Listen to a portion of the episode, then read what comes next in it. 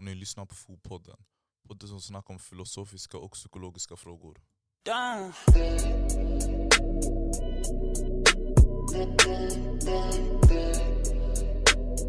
Tjena gott folk, välkomna till del två av Rätt och fel. Som gäst så har vi med oss Amin som ni kanske känner igen från förra avsnittet, om ni har lyssnat. Hej allihopa. Hur mår du då Amin? Jag mår bra, det, det rullar bra liksom. Själv då? Är bra här, inga problem, inga besvär. Eh, Jag tänker att vi hoppar in i ämnet direkt och då är den första punkten som vi tar upp då är ifall det är rätt att offra ett få antal för att rädda flera. Mm. Kan du ge en uh, scenario? Okej, scenario. Ehm, det här det här är från en serie som jag har kollat på. Det var en kille då som bodde i en by. Och sen, eh, ja, han var, typ vi säger någon black ops där. Han var en hemlig, han jobbade som militär, eller militär men typ som spion för Okej. byn då. Och sen så, han hade en clan då i byn. Och, och sen så fick han som uppgift att döda hela sin clan. För att om han inte gjorde det så skulle det bli en inbördeskrig i hans by. Och då skulle flera dö. Okej. Så ja, han fick den uppgiften och sen så ja, han gjorde det. Så han dödade alla i hans clan, hans mamma, hans pappa, Mm. tjejen han älskade alla. För att det inte skulle hända. Och nu är frågan till dig då ifall, ja, frågan är då var det rätt av Hanna att göra det? Att offra flera för liksom bättra det stora hela. Exakt. Alltså jag vet i den situationen, jag skulle nog säga, liksom om man kollar på så här, ja, konsekvensetik. Bara det ni som inte vet vad vi kommer snacka om när vi säger så här, konsekvensetik, sinneslagetik och så vidare. Rekommenderar att ni kollar första avsnittet. Yes. Nej, men konsekvensetiken, den skulle väl säga att han har ju väl gjort rätt i och med att det blir större glädje. I och med att, ja, visst han offrar liksom x antal människor, men genom det så räddar han liksom större liksom mängd. Men Mm. en annan konsekvensetiker kanske säger, ja, nej men vad då konsekvensen är att du har dödat någon. Mm. Och där blir det lite så här, vilken regel väger vi mer? Mm. väger vi mer att du har räddat folk som inte liksom var i risk utan att de vet, alltså de visste inte att de var i risk att hamna i det, inbördeskrig Mm. eller att du inte dödar dina liksom, ja, men klanmedlemmar då. Eller vad man kan kalla det. Och jag vet inte, för det är där också här lite, det här med konsekvensetik och sinnelagsetiken tycker jag är lite så här. Man skulle säga att de fungerar hela tiden problemfritt, men i sådana situationer som du tog, tog upp den här, det blir lite så här. Vad ska jag prioritera? Mm. För att samhället säger att du ska alltid liksom värna över liksom så här, ah, dina familjemedlemmar och alla som står dig nära. Mm. Men samhället säger också att du ska liksom tänka på det som gynnar det alltså stora hela. Mm. Exempelvis om vi tar den här situationen. Snubben var med i liksom, jag menar, deras version av Black Ops då han förmodligen ska vara lojal till landet. Mhm. Och då blir det lite så här, vad ska han prioritera? Ska han prioritera sitt land som han ändå så här liksom, ja, svärt att skydda Mm. eller prioritera sin familj? Där han ändå har en nära connection med och ja, det är liksom det är hans familj. Mm. Så jag vet inte, alltså. Jag tycker sådana situationer, det finns inget fel. Ja. Helt ärligt, i just sådana situationer. För att vad du än gör, i slutändan du kommer ha gjort rätt av någon. Mm. Visst, du offrar din familj, men då har du gjort rätt bland liksom, ja, det större liksom. Om man Mm. tänker lite bredare perspektiv. Men om du skyddar din familj, då har du gjort rätt i och med att du har skyddat din familj. Men sen visst, Ja. främlingar som du inte känner kommer ju sitta och kriga mot varandra. Mm. Eller vad tycker du?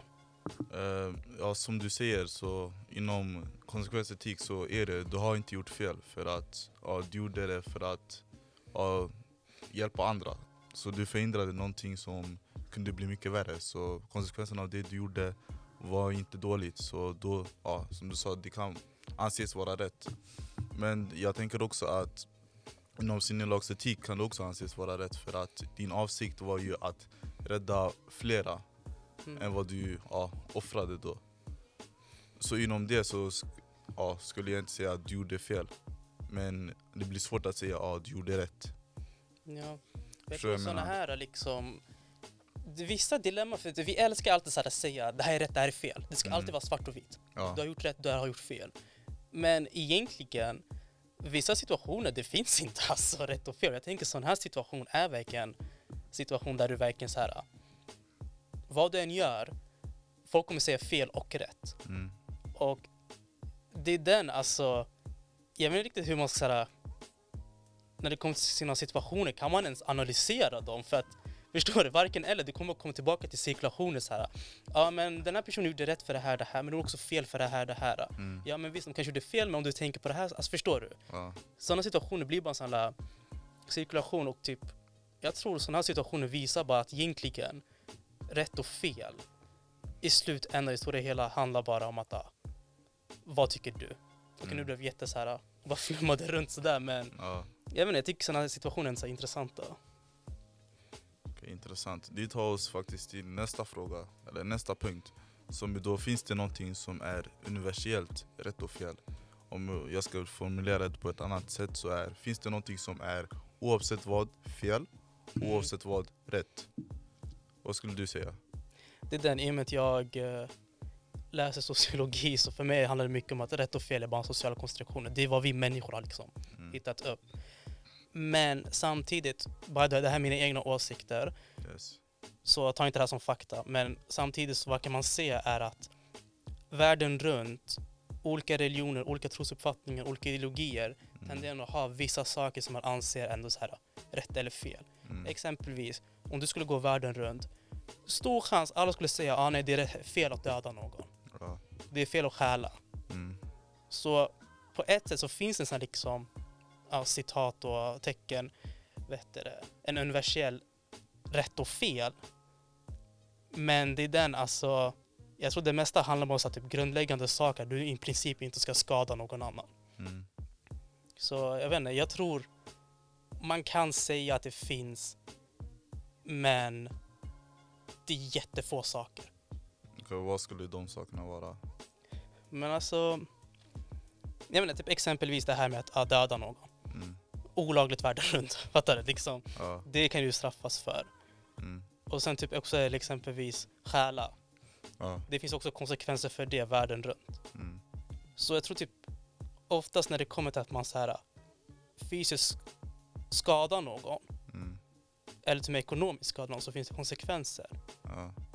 Men egentligen ser jag emot mig själv inser jag nu för att det finns många länder där man ändå så typ inte står så hårt mot exempelvis menar, att kvinnomisshandel. Mm. I vissa länder är det så här okej att ja, om en kvinnas man liksom slår henne, Ja. då är det lugnt. Så det blir, ja, jag, jag inser nu, det är den, ja, ja, det finns vissa länder där det ändå så här, Ja. alltså fattar du? Sen vissa länder, det står rent på lagen så här, ja, du får inte göra så, men rent praktiskt det händer ingenting. Så jag vet inte, det känns som att så här. Man skulle säga att det finns universella rätt och fel. Men... Alltså, ja, jag vet inte, jag, jag, fast, jag står vid det. Jag tror det finns universella rätt och fel. Mm. Men inte att det är så här liksom att universum har sagt utan att det blir att människor liksom Ja. tillsammans genom flera århundraden kommit tillsammans fram till det. Och oftast har man utgått från att du inte ska skada någon annan. Ja. Ja, jag tycker samma som dig att rätt och fel det är någonting som vi människor har skapat. Det finns ingenting i naturen som säger att ah, det här är rätt och det här är fel. Mm. Det är helt enkelt det vi själv uppfattar och det vi ja, själva tycker. Och jag gillar det du sa också om att rätt och fel det är någonting som vi alla människor har kommit överens om. För att ja, samhället ska vara så effektivt som möjligt. Det är den, för att utan rätt och fel, det blir svårt att hålla ihop. Mm. För att vi kan inte att alla bara liksom gör hur de vill för att då kommer det inte kunna funka. Ja. Så jag tror ändå det här med att för att man ska kunna ha en civilisation, Mm. inte civilisation, bara liksom att man ska kunna hållas i grupper. Då Ja. snackar jag till och med så här, alltså vängrupper. Så Mm. måste man ändå ha den här liksom, ja men typ riktlinjer. Ja. Förstår jag menar liksom att man ändå så här, har gemensamt kommit fram till att okej det här gör vi och det här gör vi inte. Mm. Så jag tänker exempelvis det kan man se typ, ja det kanske finns en kompisgrupp som är så här typ av någon anledning har bara kommit fram att de tycker inte om rökare. Ja. Och obviously om du är den vängruppen och de cashar du röker då kommer det liksom bli lite så här tjafsigt. Ja. Behöver sticky one. Det är lite sticky situation men ja. Ja, men du var inne på att olika länder och deras kultur har sin egen uppfattning av rätt och fel. vad har du att säga om de som har sin uppfattning om att ja, det är fel att vara homosexuell? Fel att vara homosexuell. Alltså Ja. grejen är så här. äh, Jag ser inte vad är fel med det för att i slutändan, varför ska jag bry mig om vad en annan person älskar? Mm, Egentligen. Det är inte min liksom business att sätta mig och lägga mig i. mm, Och jag tror egentligen i slutändan att genom att man sitter och säger rätt och fel att liksom, ja, vem du liksom föredrar och älskar och allt det där äh, handlar bara om makt. mm, inte makt. Ja, för tänk så här. Om du sitter och säger okej, den här folkgruppen, de gör fel. Mm, Deras existens är fel. mm, Liksom att ah, de är typ homosexuella. Då har du en scapegoat egentligen till vad som helst. mm, Exempelvis man ser nu i USA. Så brukar folk säga att så här, ah, men, ah, homosexuella de typ är pedofiler och la la la. Så fattar de sitter och hypar upp det. ja, Men de är inte det, fattar du? ja, Så egentligen när det kommer till sådana här liksom att man säger att en sexuell läggning är fel. mm, Helt enkelt handlar bara om makt. Och sen tänk också så här. I och med att man använder då, vi tar det som vi sa, homosexuella som liksom det här att det är fel. mm, Då brukar man ofta så här, trycka ner folk som inte går mot liksom normer och säga ah, varför beter du så liksom, mm, ja, typ gay och allt det där. Så exempelvis om en grabb skulle börja gråta, ja, det är inte manligt. Det går mm, mot normerna. ja, Grabbar ska inte gråta. Det är normen. Vad säger vi då? Ja, varför är du så gay?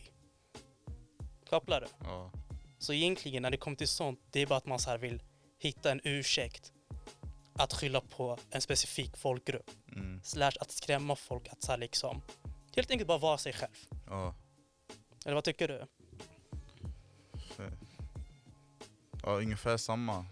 Fast jag inte tänkte som du ja, pratade om att det har någonting med makt att göra. Men jag tänker också att vad är meningen med att du, just du säger att ah, du får inte vara det här och du får inte vara det här. Vem är du att säga till en annan människa att de inte får vara sig själva? Det är Det så jag tänker när någon säger att ah, jag är homofob eller ah, fuck bögar. Har de gjort någonting dåligt mot dig? Så jag blir också sådär, ah, sådär what? För om jag ställer, det här är en fråga som brukar komma upp med eh, mina kompisar. Ah, skulle du kunna ha en son som är gay? Eller skulle du kunna ha en dotter som är lesbisk? Då när de säger dotter, då dotter är det sådär, ah, okej hon kan ha det. Men när det kommer till killen då är det mer sådär, va? Nej aldrig. Ja, Och det är som du sa också, att man kopplar det till de här normerna. Man vill inte att sin, ja, sin son ska vara feminin av sig. Eller visa någon sån attribut. Det. Jag tror det är det normerna som gör så att folk tycker som de gör nu. det är den som du nämnde det här. Oftast alltså när vi snackar om homosexualitet, vi tenderar att fokusera mycket på liksom det manliga perspektivet. Mm. Och återigen, det här är min egna tolkning. Jag tror mycket handlar bara om att vi använder den, liksom, om den manliga homosexualiteten Ja. till att begränsa grabbar från att liksom bara vara sig själva. Mm. För egentligen, om du tänker, alltså att gråta, det är ju fan, det är det, alla gråter. ja, det är mänskligt. Det är den. Du kan inte stoppa det. Mm. Men vågar du göra framför dina grabbar? Nej, för de kommer kalla dig för liksom så här, ah, vadå är du bög nu? Mm. Så det är den, alltså i slutändan sådana saker handlar bara liksom om man ska liksom ha en ursäkt att ha en, liksom en folkgrupp, inte Mm. folkgrupp, men alltså en sexualitet som är ja, förtryckt så man kan bara liksom Ja. använda det som en scapegoat. Ja, och när sådana här diskussioner kommer upp i grupper och sånt så har jag märkt också att det vanliga ursäkten är att ja, ifall du tror på någon speciell religion eller att om du verkligen troende då, du säger, då de säger oftast att ja men det är så för att Gud sa det. Men Mm. det också, de går också emot det för de säger att ja, Gud säger att det är fel eh, men ändå så säger Gud också att man borde älska alla. Så där. hur kan du hata på folk som ja, är bara sig själva men då säga att ja, jag älskar alla? Det är den, och då jag går tillbaka lite till den här uh, scenariot som du lyfter upp. Mm. När det kommer till rätt och fel, vad ska jag väga mest? För som du sa, Gud säger du ska inte älska alla och respektera alla. Mm. Men samtidigt så liksom i abrahamitiska religioner, islam, judendom och kristendom. Ja. Jag vet inte om judendomen, men så tenderar det finnas att man säger ah, du får inte liksom vara homosexuell. Mm. Så det blir ju en clash. Du ska respektera alla och Mm. älska alla som de var liksom din egna syster eller bror. Ja, Men de här personerna ska du inte tycka om. Båda är Guds ord. Vilken exakt. väljer jag? Ja, Och det är det som är liksom så här. äh, Det är därför det är så svårt att så här liksom. Alltså jag inte, det är så svårt att liksom så här. Vad ska man välja? Mm. vilken, för vad du än väljer, det blir ju så här, har jag gjort rätt eller fel? Ja. Förstår du vad jag menar? För att bara den här att du ska välja etik handlar också om, har du gjort rätt eller fel? Mm. Förstår du? Det blir lite som sån här liksom, typ en cirkel. Ja. När du sitter och tänker på själva etiken så måste du återigen tänka på etiken igen. Har jag valt den rätta etiken eller har jag valt en fel etik? Mm. Och det är det, det är så här, jag vet inte, sånt där är bara jättekomplicerat tycker jag och bara jätteintressant. Mm. Ehm, ja, jag tänker att vi borde gå in på ja, flera dilemman som vi gjorde på förra avsnittet. Och då skulle första dilemman som jag ställde det var att okej det här var någonting jag har lagt upp på fotbollen, Instagram. Jag hoppas att ni som lyssnar går in och följer. Men det var helt enkelt att det är, ja, du sitter i en lektion och gör ett prov. Och sen så märker läraren att en av eleverna fuskar. Du vet vem eleven är. Okej? Eh, Men läraren har vet inte exakt vem eleven är. Så läraren väljer mellan två personer. Okej, Den ena är någon som ja, har bra betyg och pluggar och inte fuskar. Mhm. Den andra är, ja, inte, har inte så bra betyg, lallar ganska mycket i skolan och ja, är den som fuskar. Men du vet också att ifall han som ja, inte har så bra betyg blir catchad av läraren så kommer han ja, inte kunna göra provet och han kommer inte kunna förbättra sina betyg. Vilket kommer resultera i att han skickas tillbaka till hemlandet. Men du vet att han som ja, inte fuskar och gör sitt bästa och har pluggat kommer ja, att skicka bort från skolan och, eller bli utsparkad från skolan. Kanske låter lite extremt men ba, bara för diskussionens skull. Bara för diskussionens skull. Så han, blir, han kommer bli utkastad från skolan ifall det är han som fuskar. Och läraren frågar just dig, vem skulle du välja? Och den, den som inte fuskar, eller den som fuskar är A och den som inte fuskar är B. Så vem skulle du välja? Så person A, den som inte fus- nej, den som fuskade, Mm. kommer skickas ut från landet. Ja. Och person B kommer, vet du bli utskickad från skolan. Mm. Alltså jag vet inte, jag tror jag, tror jag kör på det här att jag skulle valt att rädda person A, den som inte fuskar, eller den som fuskade. Mm. För att jag tänker alltså, bror du blir skickad ut från landet. Ja. Liksom, jag, nu utgår jag bara från min egna så här, liksom, ja, bild som jag målat upp. Då antar jag den här personen ändå har liksom så här. Men, hmm. Jag tänker om vi spicar till det lite. Vi ser personen som ändå så här liksom har riskerat att skickas ut från landet. Mm. Vi ser att den personen är en flykting. Mm. Vi spicar till det lite. Okej. Då känner jag att den personen borde räddas från att ha skickas. Mm. För att det är den, alltså den här personen har flytt från landet. Men om personen inte är en flykting och liksom medborgare, Ja.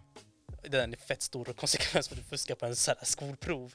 Men återigen, jag tror jag skulle fortfarande valt person som du, fuskade för att jag tänker det finns mer konsekvenser av att du liksom sparkas från ett land Mm. än du skickas från en skola. För den, du kan bara byta skola alltså. Mm. Visst, det kanske inte hamnar på lika fin skola, men fortfarande i slutändan du kommer hitta en skola. Ja. Och om du ändå har så många betyg som, liksom så här, som är bra, det ökar dina chanser fortfarande. Mm. Men det är den, att den här personen dels inte har liksom så här, vet du, ja, de inte har så bra betyg och de känner att de var tvungna att liksom fuska. Det är bara det jag säger, att de kände verkligen behovet att de måste fuska för att liksom här, höja sina betyg och klara sig. Mm. Och sen skickas ut från sitt land, där de är födda och liksom medborgare. Mm. Gud vet vart de kommer hamna, alltså fattar du? Ja. Så jag tror jag skulle valt person A. Du då? Jag vet, eller, det, det är ju rimligt att välja person A. Mm. För konsekvenserna är ju värre för den än vad det är för person B. Men jag tänker också att borde B bli straffad eller bli utskickad från sin skola när den personen bara fokuserar på att göra sitt bästa i provet Mm. och har pluggat och har gjort det de kan för att ja, prestera så bra som möjligt i provet. Så det är det som gör det lite svårt. För straffa någon som inte ja, som gör bara sitt bästa för att klara någonting jämfört med någon som ja, inte har gjort sitt bästa men bara för kons- konsekvenserna är värre för den Mm. så blir den andra straffad. Det är den, för jag tänker mycket så här, alltså det är bara skolprov. Mm.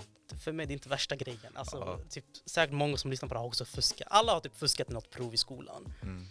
Men eh, det är den, om det skulle handla om något helt annat så skulle jag ändå stå vid att den här ah, personen som inte har gjort något fel borde inte liksom straffas. Mm. Men i den situationen, alltså bror du fuskar på en skolprov Ja.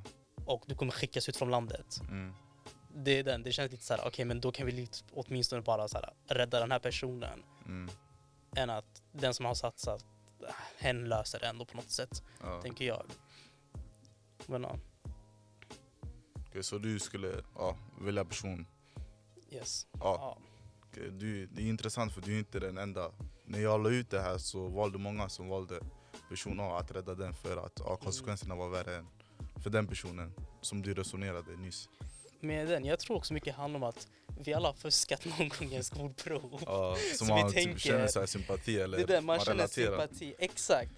För jag tror mycket handlar om att om du ändå har varit i den sitsen att du måste fuska för ett betyg, Ja, stor chans du kommer sympatisera med den här personen. mm, Och det är den, alltså i, ja, jag tror slutändan, det handlar om att flera sympatiserar.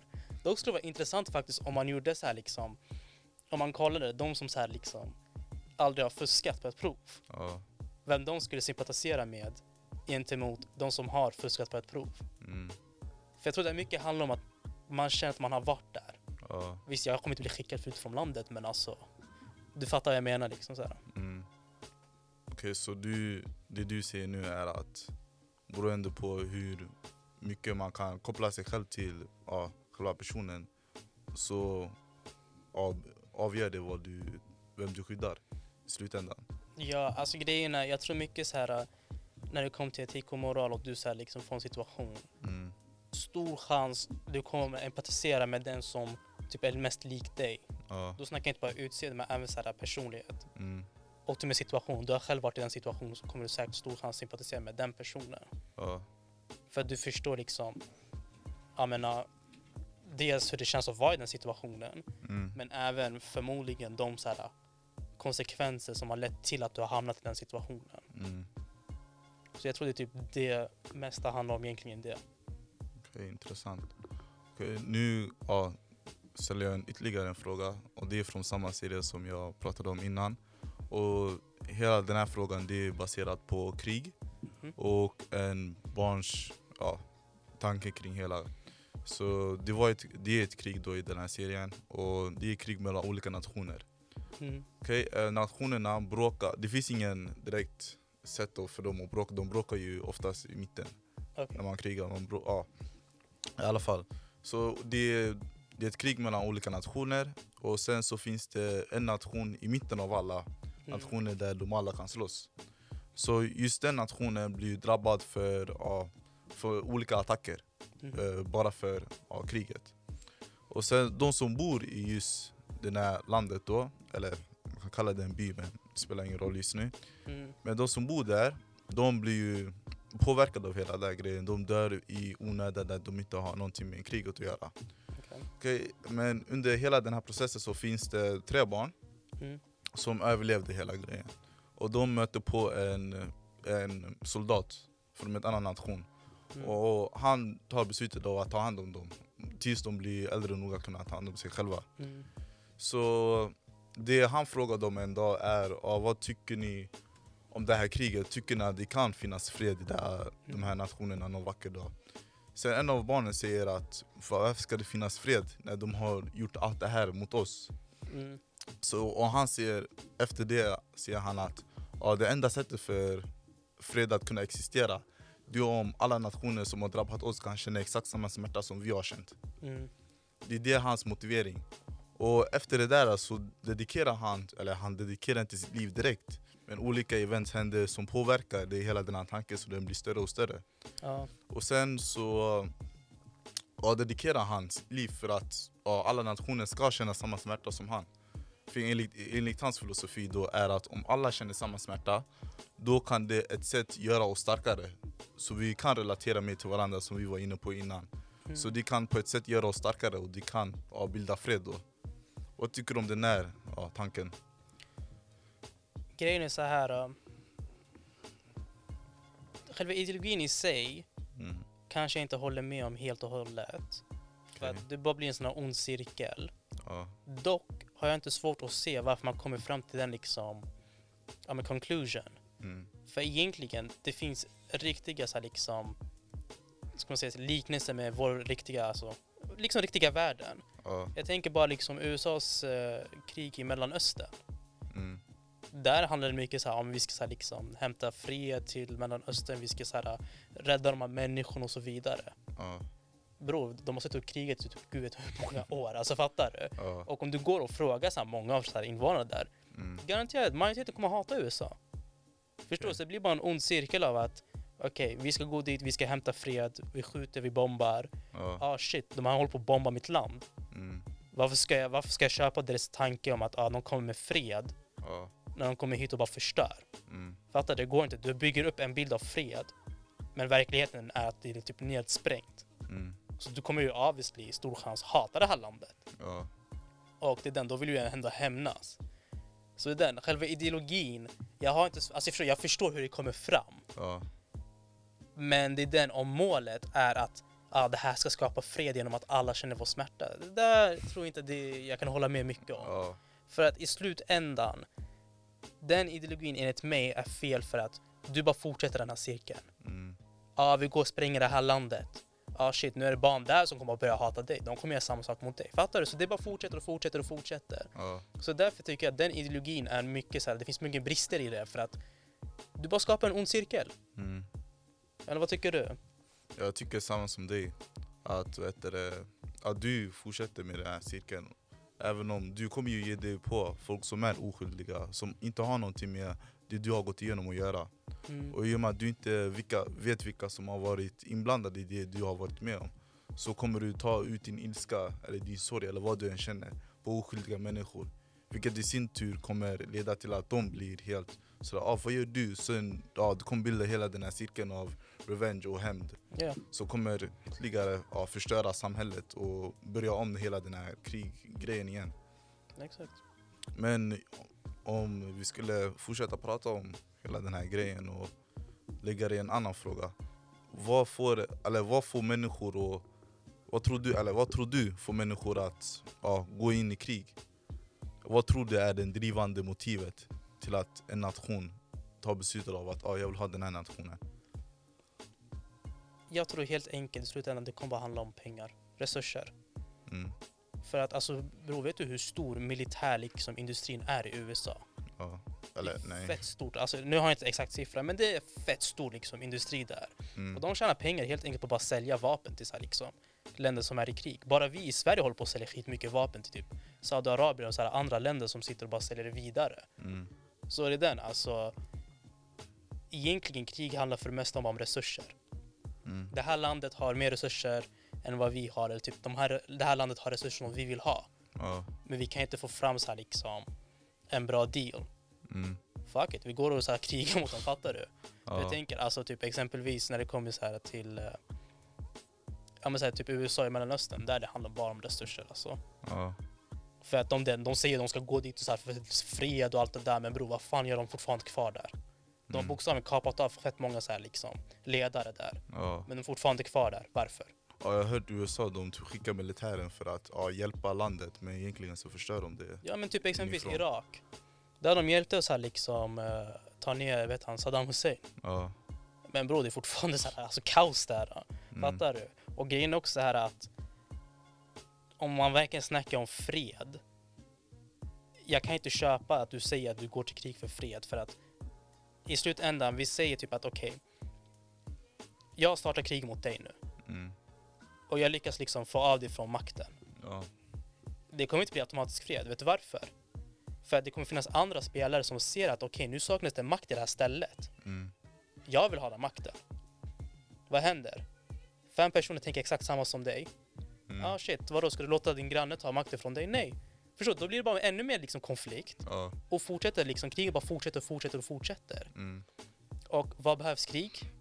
Eller vad behövs i krig? Jo, vapen. Vem säljer vapen? Landet som startade skiten. Mm. Fattar du? Det är så egentligen USAs liksom så här, ja, politik när det kommer till krig har handlat. Jaha. Så det du ja, tänker är motivet för krig är helt enkelt resurser och pengar? Resurser och pengar, det, det handlar inte ofta säkert om så här liksom, ja vi ska så här tjäna pengar. Ja. Men det tenderar att handla ofta om resurser. Men vad tror du händer om en nation ja, hjälper ett land och sen så ja, väljer de att, ja, vet vad, låt oss ta hand om det här landet. Vad tror du händer med befolkningen? Tror du de kommer ja, säga ja, visst varför inte? Eller då kommer bli sådär, nej vi vill att någon från våran ska ta över makten. Ja, det blir en sån här vi och dem-tänkande. Bror, har du hört om kolonialism? 'Cause det är exakt det britterna höll på med. Ja, Det, alltså nej, skämt inte. I princip, de länderna som höll på att kolonisera, det var typ exakt så de gjorde. De Mhm. tänkte så här, i alla fall britterna tänkte så här att ah, nej, de här är för primitiva. ja, De är för liksom dumma, vi måste komma och rädda dem. Mm. Vitemansbördan. ja. Och det är den. Uppskattar alla länderna där? Nej. Nej, absolut inte. Fattar du? Så det är det. Ja. Alltså, även om man kommer med den här tanken, och återigen det handlar bara om resurser. De vill ju bara ha mer mark för att odla allt det där och typ, Ja. ja, gratis arbete. För Mm. det är också en form av resurs. Men det är den, fortfarande, alltså krig kommer aldrig leda till att folk älskar dig. Om du startar krig, folk kommer hata dig. Mm. Även om det är för att hjälpa dem. Även om du säger du ska hjälpa, du ska hjälpa, fortfarande det kommer finnas en del som säger nej, vi vill inte ha er. Varför ska ni hjälpa oss? Vi vill vara självständiga, vi vill hjälpa oss själva. Ja, då, då får bröst och ja, lida, vad ska man säga? Det är den, men det är så här, du kan ju hjälpa ett land på andra sätt. Ja, Genom att så här, ge, alltså, typ, ja, dela av resurser, dela mer teknologi. Alltså fattar du? Det finns andra vägar att hjälpa ett land. men alltså, ifall det finns en diktator som bara tar dina resurser och använder det för sig själv. Mm, men då handlar det Ja. också så här, helt enkelt att jag tror mycket att så här, för jag tänker då på arabiska våren, det här med revolutioner och allt det där. Mm. Jag tror helt enkelt att befolkningen själva måste tröttna. Mm. För jag tänker om man kollar på arabiska våren, det startade i Tunisien. Ja, I och med att befolkningen där, de bara tröttnade helt och hållet på diktaturen. ja. Så de startade själva en revolution. Mm. Och sen alla andra länder som försökte följa, det var ändå så liksom lite tryck från EU och eh, USA. Ja, Och man försökte liksom säga, ah, vad då ska ni... Alltså, de försökte bara bygga upp den här liksom, starta revolution, starta revolution. mm. Men i och med att befolkningen inte riktigt ville. Vad hände? Det är fortfarande diktaturen. Fan Libyen, det är så inbördeskrig där med typ gud vet hur många liksom spelare där. ja. Så det är den, jag tror sådana sa saker handlar mycket om att befolkningen själv måste vilja. Okej, intressant, intressant. Ja men eh, gott folk, det här var del två av Rätt och Fel. Jag hoppas att ni tyckte om den. Tack så mycket Ami för att du gästade idag. Tack för att jag fick vara med. Ja självklart, vi ses på nästa avsnitt och hoppas ni har en fortsatt trevlig dag. Rob Stone, two damn phones. Babylons can't crack the code. Used to sip out styrofoam, but figure.